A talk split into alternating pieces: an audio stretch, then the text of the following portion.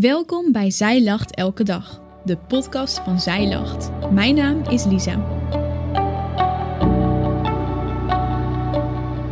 Dit is de overdenking van 30 juni door Arianna Azodi Delami. Hoop is een woord met een diepe betekenis. Het is iets heel fragiels en kostbaars, omdat hoop hetgeen is dat doet leven. En wanneer het verloren lijkt te zijn, heeft dit directe invloed op ons leven. Hoop is hetgeen wat ons op de been houdt en hetgeen waardoor wij de stapjes vooruit kunnen blijven zetten. Vergetend wat achter ons ligt, uitstrekkend naar wat voor ons ligt, jagend naar het doel dat van boven is, Jezus Christus. In Romeinen 8, vers 24 en 25 staat: Want in de hoop zijn wij zalig geworden. Hoop nu die gezien wordt, is geen hoop. Immers, wat iemand ziet, waarom zou hij dan nog hopen?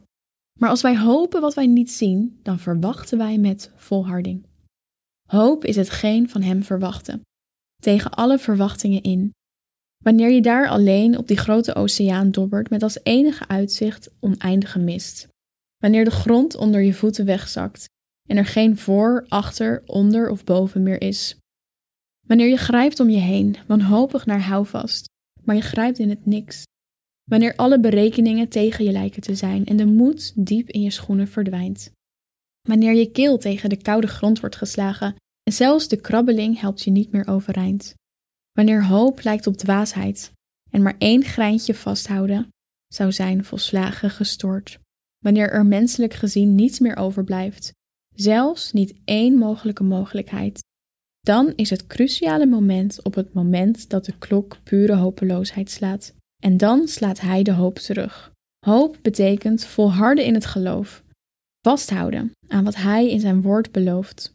Geloof betekent niet zien, maar toch verwachten dat hij waar zal maken, tegen alle verwachtingen in. Wat voor ons onmogelijk lijkt te zijn, is voor onze grote God maar een kleinigheid.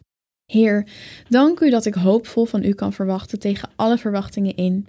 Heer, dank u dat u aanwezig bent in mijn hopeloosheid al lijkt mijn situatie totaal hopeloos en is vertrouwen moeilijk omdat alles tegen mij lijkt te werken. U bent een God die alles ten goede keert voor degenen die u lief hebben. Mijn God, ontstekend vuurtje van hoop diep in mij, hoop berust en geworteld in uw woord die de belofte altijd nakomt.